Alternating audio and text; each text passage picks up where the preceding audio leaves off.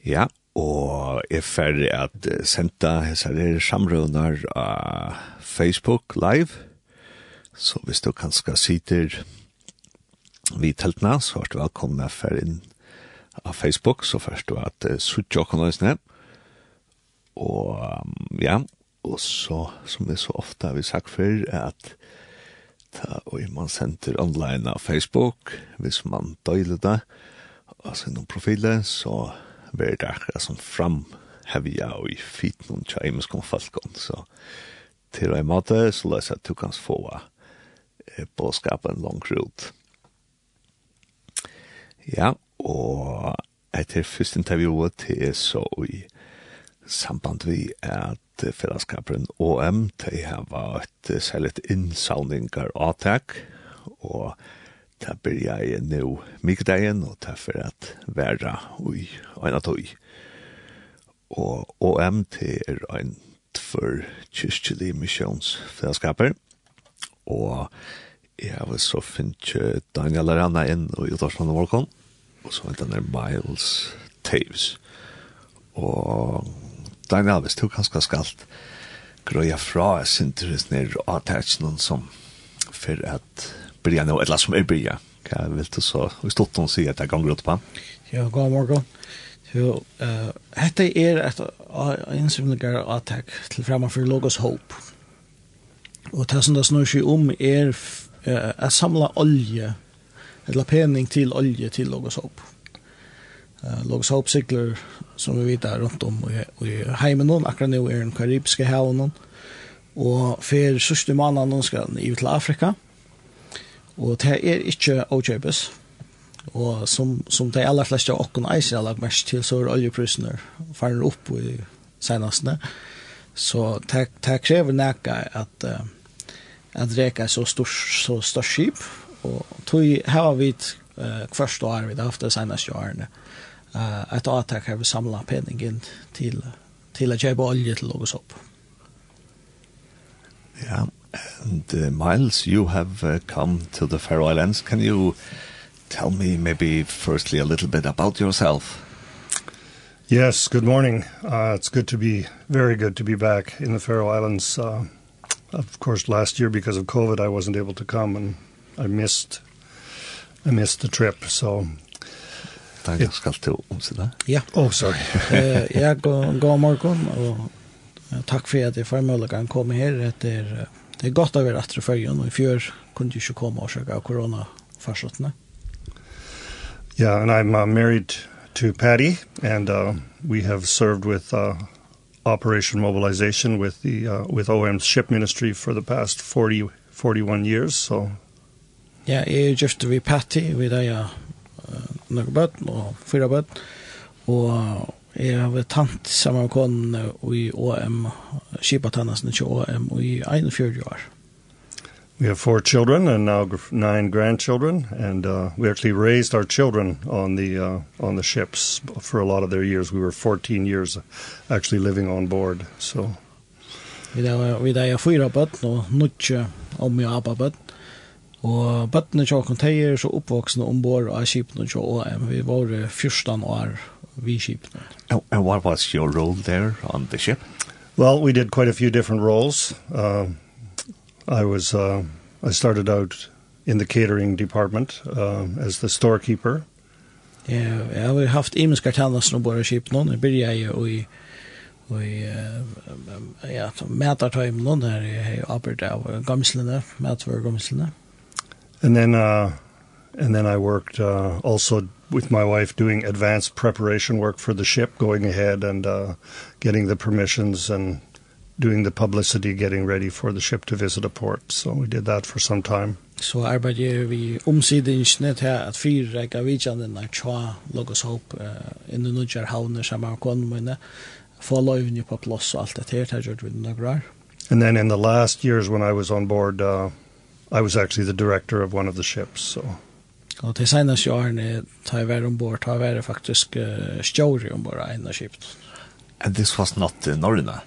No, in fact, we, we have lived and worked on board the first three ships, but have never lived on board the Nerona. Have or the Lagos Hope I shall say now. It uh we visited many times but we have not lived there as a family or as a couple. So this is a long time ago. This is yeah. before the electricity. That's right. When we actually had DC electricity on the Dulos. Det är jag jag har så angat över ombord eller bo ombord av Lagos Hope. Still the vi hinner tre skip nu no? Og, men uh, da vi jo ofte om bare gamle norrene eller logos opp som man er i det. Og, så, men det er lenge siden, det er lykke alltid til det in tøyene tar i det her. Janstremer. Janstremer om bara, og om bara dolos, det gamla kypt. And and and uh, were there any Faroese people when you were there for 14 years? Always, always Faroese people we've worked with and we've come to really appreciate and love the Faroese people also from working together on the ship. Og det var alla tøyna vi nokku føringar om båda skipnån, og vi, vi lærte det å kjenne, og lærte folk å kjenne, og det var dama vi alle der bare sammen med føringar. Yeah, I don't ever remember a time where there was not Faroese people on the ship. Jeg minns faktisk ånga det at det ikke har vært føringar om bord. And, and do you keep a friendship with those people from the Faroe Islands uh, still? Yes, many of them. Are, some are very close friends, and... Uh, We also lived in Germany uh, for 5 years working at the ship's uh, office there, and uh, and there our next door neighbors where we lived were Faroese uh, people that uh, that uh, live here in the Faroes now, and we're very uh, close to them. Very, they're very good friends uh, today as, as well because we kind of had some young families then, and the kids played together. It was very special. Vi uh, vi har snarare varit vinnarbond vi flera av som folk någon och Og ta vi bo i Tyskland i fem år, og høyestøyene til OM her, ta, og ta vår grannene til åkken, der vår et førspær, som nu bygger fyrjon, og vi hadde godt samband vi teg, vi hadde Jan Gommel Bød som spalte sammen til, til stolt av vidja teg at du kom her. And then I will give you the one uh, thousand dollar question from a Christian perspective. Why did you use 14 years without so much uh, salary uh, doing this? Yeah, that's a very a very good question and um you know my wife and I both grew up on farms in western Canada. Uh when I grew up I assumed I would be uh following in the tradition and would continue farming, but uh in Bible school we heard about uh about uh, missions work and then we met some people from Operation Mobilization and and we got excited and we got involved and uh didn't really know at the time whether God could use us. Um Ja, så da tek fui fui brukar man sånne kva tui, og sånne kva arum bara enn kipe og åttan, åttan starvis løn. Eh, jeg og kona må vi videre bäge oppvoksen av bandagæren, og, og til alle som korsna när vi skulle blåa bønder reisende, men, men tar vi til Så gikk jeg bibelskola, så hørte vi om misjon og møtte folk fra, fra Midland og AM. But to our surprise, you know, we found that a couple of farm kids from the prairies in Canada were actually very useful on the ship. We just, some of our practical skills, the things we had learned, were just what was needed, so we've found a place there. Og vi funnet ut av at selv om selv tvei tvær bønder ur, ur uh, mi Kanada kunde brukas om bara en kipe och vi vi åkar praktiska praktiska konlägga och handavärst så så vi vi funnet där vad vi kunde brukas här resten. And what is your spiritual motivation to to spend 14 years this was on the ship and then you have used many years serving after that so, so why do you do this? Well, I think because uh, because of the grace from God that I've received and and the fact that I have new life from Jesus in me and this is the greatest treasure possible and I want to uh want to see that others in the world have that as well. That's really the motivation for all that we do and it's eternal. It's so so exciting, so important that I can have a part in that.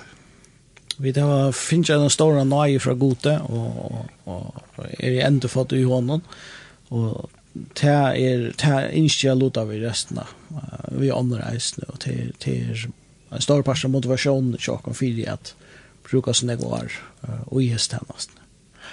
I, I think when, when, uh, when they asked Jesus, what is kind of the core? What is the core mm. in your faith or in your belief?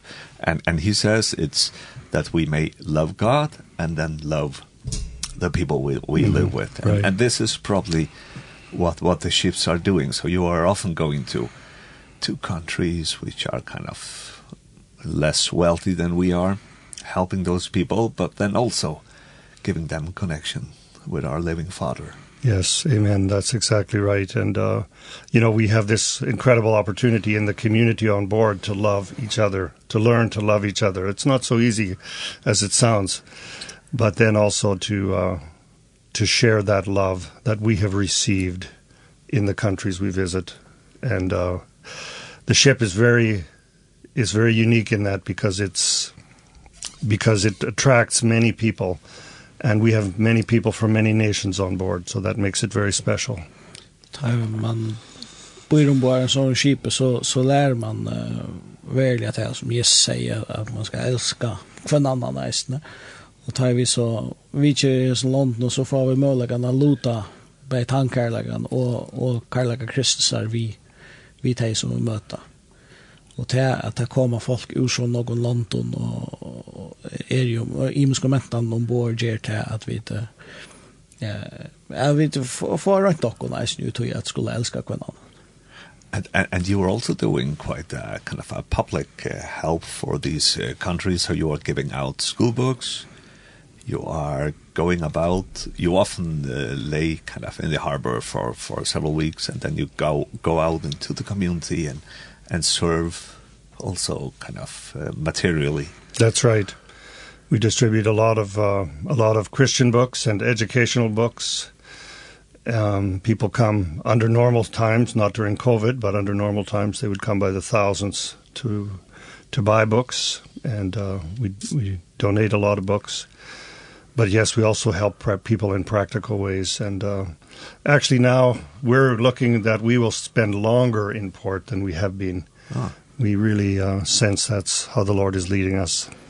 Um, ta lukas hopp vitjar im så stande, så vi er jo gjerne lidjande jo i nekka dier, eller nekka viker, og, og vi uh, tjeva noen ut, Uh, og vanliga, altså ikke under korona, men vanliga annars, så kommer jo tusentals folk ombord, eisen og kjeipa bøker. Uh, vi donerer noen skolabøker til dømes. Ehm um, men annars hjelper vi det ikke noe annet praktisk och Og, og det som vi mest det som vi mest god leir okken til nu til kan skal være langre og i hver jeg i havn. Så vi får hjelp bedre. Det er and, and I'm also thinking that that using a ship when when uh, Logos Hope has been here in the Faroe Islands, then then all kind of people go on the ship. So kind of you often reach people that don't go to churches with with having this ministry. Absolutely. It's incredible. Um, you know, we have visited with the ship uh, over the years, with the ships over the years, 20 different Muslim countries and we visited Hindu countries and Buddhist countries, but were welcome because we come in friendship, we come with an international crew, and uh, so we're well received, and uh, then were able to welcome these people on board and, and share with them. Hei, Logos Hoplik vi haun, så, så kommer jo nek folk ombord, eisne, folk som ikke har tiltid til nekka samkommi, eller, eller kyrkjer, Og, og vi så jaisen til at Logos Hope ledde dyr opp, altså Logos Hope har vi vidtja i en 20 muslimske London, flere hinduistiske og buddhistiske London eisne og, og, men det er jo åpent, tror jeg vi kommer vi, vi hjelp, og vi kommer vi frie, og, vi er alt tja manning, så, så, så, så det ledde velja dyr opp eisene. And before I go on, there is a greeting from Josef Jakobsen. He says, it's good to hear a good friend again, oh. Linden. oh, that's wonderful. Hello, Josef. Good to hear so from we you. send a greeting to him.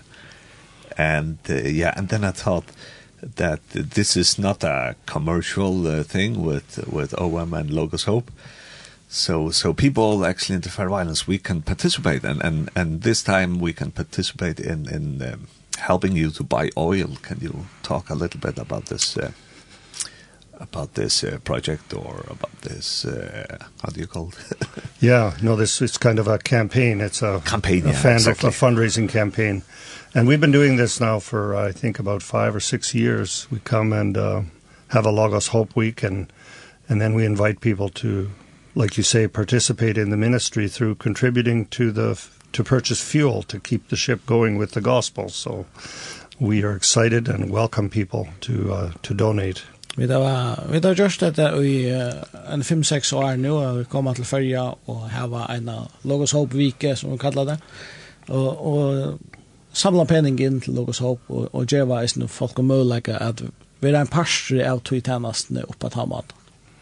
And it's really a very beautiful way that uh, people can be a part of it because it's essential. And uh, without this uh, partnership, this participation, it's not possible. So we're very grateful for partners. Det er en, en vekk måte som folk skal kunne gjøre spørsmål av hans tjenestene, og en øyla tutninger mye, tror jeg at og det så utan olje får vi just kjørst, så, så det er en god mål at, at, uh, tjene eisene. I'm just, uh, just going to change over to Faroese. Yep, fine. Så så ja, eh så jag har lagt eh, ut till Eisner Facebook som folk kan ska chatta eller ut i hemma som jag kom. Har vi lagt ett kontonummer och en liten grön om om vad det vi olje eh kvar är det kanske precis som som folk kommer hjälpa vi alltså. Kaffe uppåt kan man äta och kvar för det till och sånt. Ehm um, penninger som, som kommer inn nu, han, han vil flottor til uh, Logos Hope. Vi tar en avtale vi FO om at, uh, at uh, vi kjøper så snakk, at det er fire sånne som kommer inn, og tar leverer det så, og bunkra her som Logos Hope er. Og vi har okay. vært det aller helst uh, Las Palmas, eller utanför akra havn i Västra Afrika. Och får så tjockt akra, akra Costa Passar. Ja? Eh og och så så FOJ rocken jag vet rocken en story hjelp vi tog. Uh, Det som folk konsumerar till så at gjør, gjør en flyting til dere.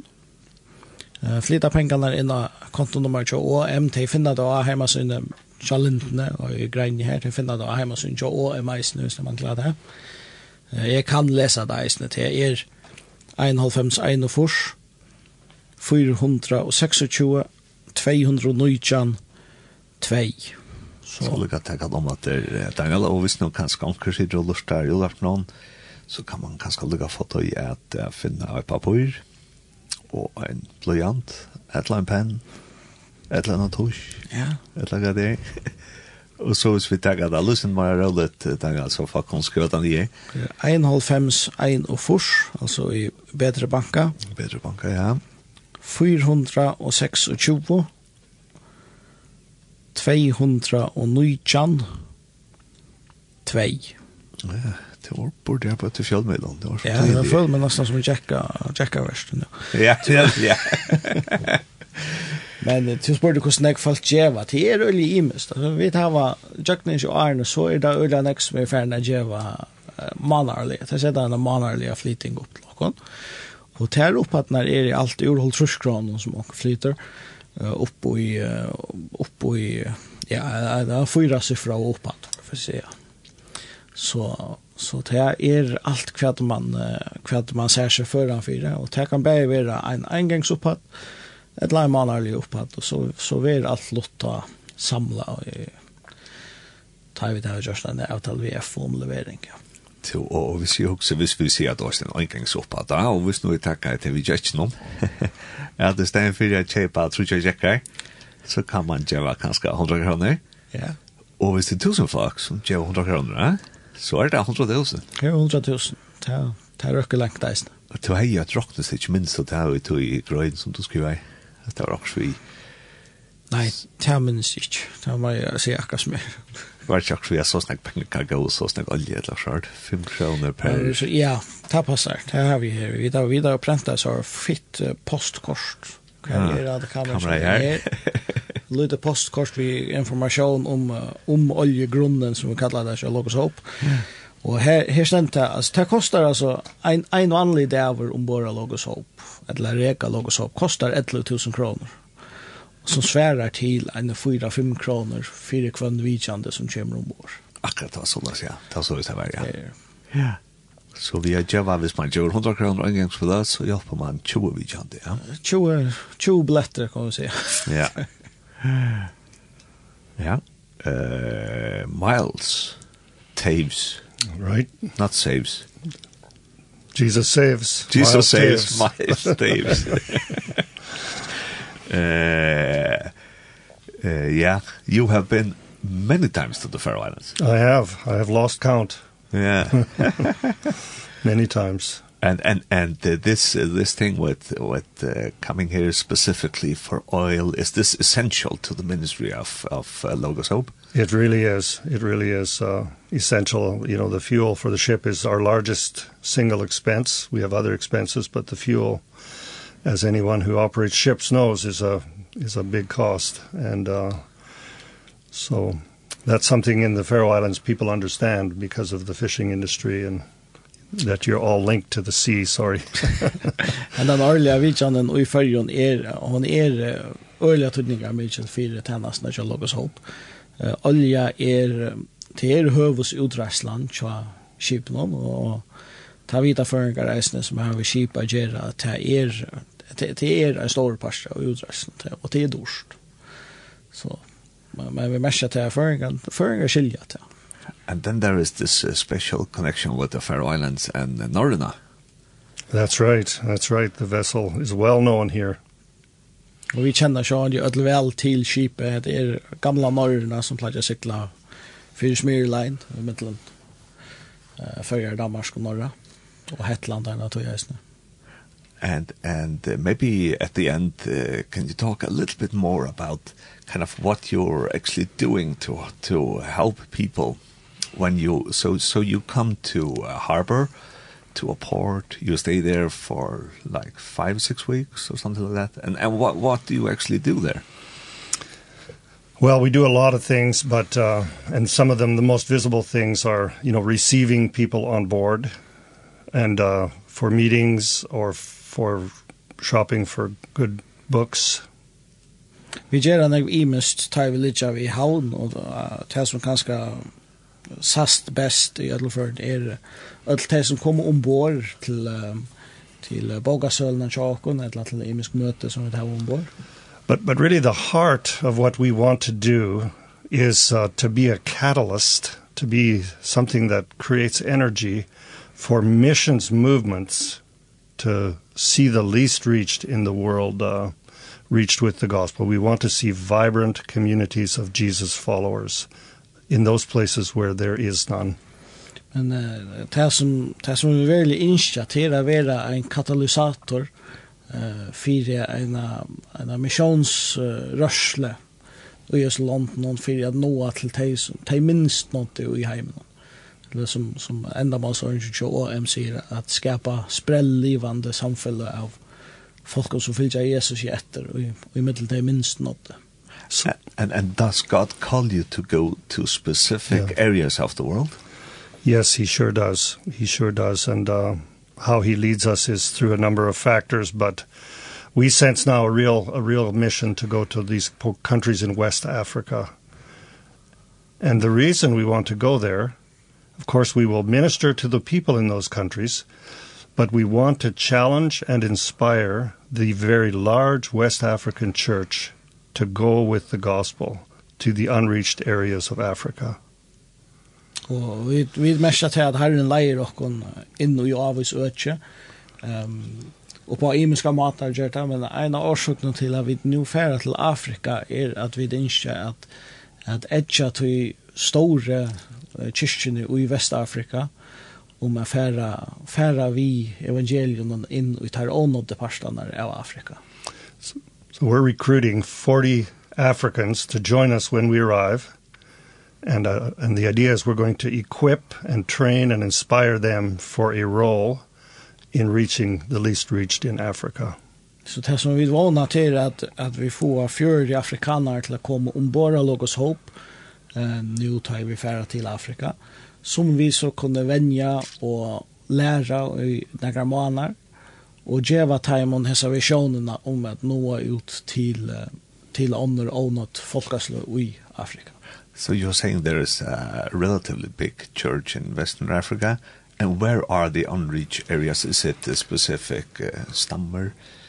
tribes. Tribes, or is it areas yeah. in Africa? Well, in the north, of course, there's uh, there's not so many Christians um, in most of the countries, but what we're focusing on is the Sahel region, which is this region that runs across underneath the Sahara, but above above sub-Saharan Africa. There's these it's from Senegal on in the west all the way to Ethiopia, Eritrea in the east. There's um countries there about 150 million people where there's almost no followers of Jesus. And we we believe Africans are most suited to bring the gospel to these people. So we want to help them.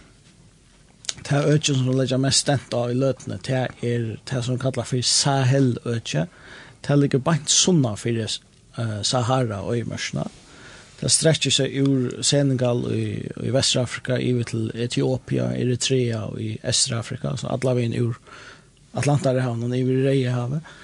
Og her byggva til en tutsjeland det dreier seg om, her byggva 130 millioner mennesker, og øyelige få av Taimon uh, kjenner til Jesus som, som, som sin frelser.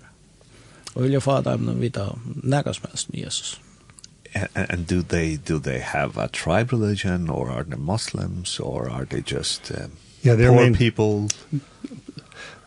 Um, probably all of those, all but of they're those. they're mainly Muslim peoples. It's a very hard uh, area. It's a hard place to live. It's a you know, it's it's um, it's a desolate area in some ways. So many of them are nomadic or tribal and it's uh it's not an easy place to reach. They're strongly Muslim people. So. Det er øyelig harsht øyne, klimamessig eisne, Det er, det er øyemørsk, eller, ja. Så det er så folk som bygger her til er nomader, til feras rundt. De fleste av dem er nok muslimer eisene. Onker, onker har nok vært parstar og stammereligioner, kjassar i ødelføren. Det er øyelig fatøk. Og, men vi trykker det, at det er afrikanere ur grannalanden, eller ur, ur luknande mentan, om det ikke er mentan, så er det luknande mentan, som er det beste til at fær inn i hese gjøtsene og nå hese folkene. Men det, men det er harsht, det, det er veldig harsht av dem næsten at jeg bor evangeliet for hese folkene. Because a part of this is northern Nigeria, isn't it? That's correct. And and that's a very kind of dangerous and violent area. Right, right. Yeah. Ja, det är ett det är ett öke som som som vi tar om i fjällbilden där och isne där och i norr Nigeria som du nämner och isne Mali till dem så så så imisher imisher väl känner terrorfällskaper där där finnas ju snöch någon nice. Men tog är det isne så tog ni mycket att Noah inne her vi gleder bådskapen Jesus og tog friar boskapen som han er reist. So this is not something the ship is going there to start. Oh. This is something that is already happening because this is birthed by the Holy Spirit already in the church in West Africa and in other parts of Africa. But what we've been called to come and do is fan the flames, be a catalyst, to add energy to this movement and we've done that before in different places and the ship is very effective at that because we're a platform and we have the we get the attention of the churches and we have the platform to share the vision and message. Det er det er ju ett åtag eller verksamma som som logos hope nu för Ivra byrja. Det er några som er fött i samkomnen i Västra Afrika og, og gjør en person av Afrika, de vilja nå utløse følelsene, og nu kan Logas Hope komme inn at, at, at blasa seg ikke til ta næstan, så la seg at, at det fester og kan, kan spreia seg mer. Og det er trygg vi da Logas Hope er vel egna til å gjøre. Mile Taves, I want to thank you very much for coming here. It's thank very you. Very interesting to hear you. Uh, hvis vi lykker å takke deg først, Daniel, så... Yeah så folk kan folk kan vara vidla hjälpa man kan vara vidla att uh, sitta i färjan och göra mån och i ja, jag vet inte vad vi ska kalla det här en, en sektion i Afrika. Här som det är uh, hungersnöj här är här är folk som lever förtvilla ja, och är det harskaper så vi kan göra mån och, och som vi har sagt alltså ett belopp på 100 kronor ja? Det kan også gjøre det. For å se som her, altså nå har vi hett og atetje, har vi samlet olje til Logos Hope, vi har miles her her, og, og det kan man ståle, hvis man vil. Uh, som sagt, vi nevnte kontonummer i Arren og det er heimasunnet og Lintene og OM. Og, og ta kan man så, hvis man så vi mestrer, tar man gjør ta flytingsene, vi mestrer Logos Hope olja, så færre pengene til olje. Uh, samstundes, eller sier i november og december måned, ta færre vi å rette fokus og hesa verskattlanda som låg oss hopp for å gjøre ivrig i Afrika som er det som vi kallar for Sahel verskattlanden. Uh, og vi tar jo en liten fall der om til eisene. Han er her. Henda færre vi å senda, først og fremst til alle limene til OM, og så færre jeg senda han ut til, uh, jeg færre øyne vidt om ikke færre jeg senda han ut til alle samkomne i færre. Så folk får möjligheten att få fäderhusen här. Och här är det så att att, att hese fjörde afrikaner som vi som vi attla att få ombord att träna och i ombord skip någon. Eh uh, det är ju ochepes. Och och tog vill jag vid isen hjälp uh, samla penningen för stola time specifikt. Ja. Ja. Och där kan man så göra där får man så isen möjligheten att göra en flytning av som konto Men så kan man vi mest ja eh Sahel, Sahel eller Afrika eller något sånt. Vi vi finn vi vet vad det menar då. Ja. Det gör det. Till ja. Oh, ja. Miles. I have one more thing I yeah. I, I must say um because as I was coming here, our marine superintendent said, Miles, when you're in the Faroes, please let people know we need more Faroese engineers.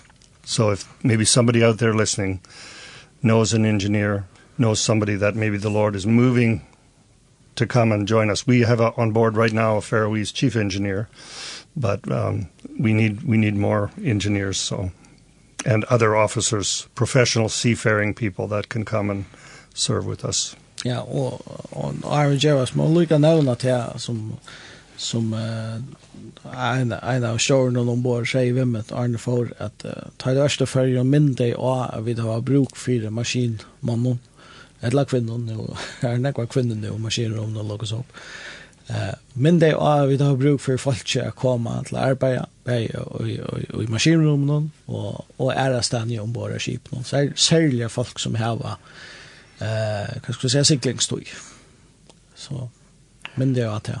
Så om det er några, om de kjenner några, eller det er det, det maskinmauer, eller, eller styrmenn, eller hva det ska vara eller at de kjenner okran og herren viskar at de, så, så si dem fra, si dem fra om henda mølagen.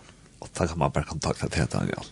Og så kontakter man meg. Ja. Er anten, ja, OM.f. OM.f, og her er ja, ødel informasjon om hvordan de får fedre meg. Ja. Og et annet som jeg også sier er at, at nå er det anker som hikker av Facebook, og kanskje hvis anker kjenner anker av maskinmann, så kom man tidsi og sendt til seg samtalen til deg, Iver Messenger. Ja ett del ner under tog som man ser på Facebook.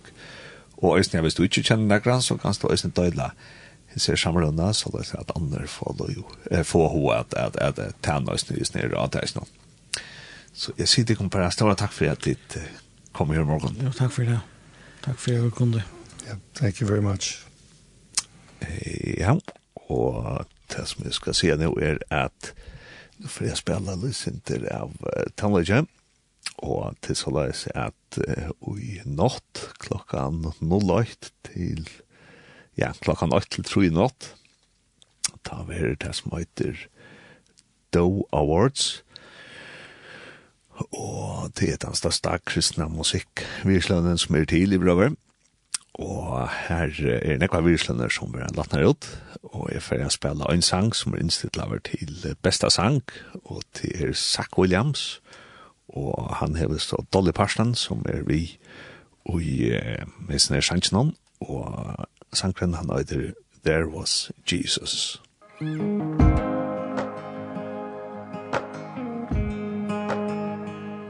Every time I try to make it on my Every time I try to stand, start to fall. And all those lonely roads that I've traveled on There was Jesus.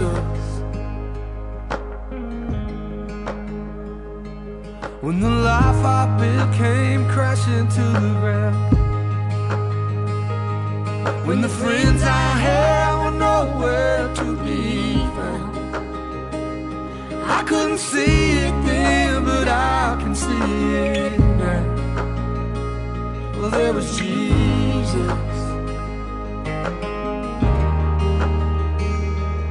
In the way, in the searching, in the healing, in the hurting Like a blessing buried in the broken pieces.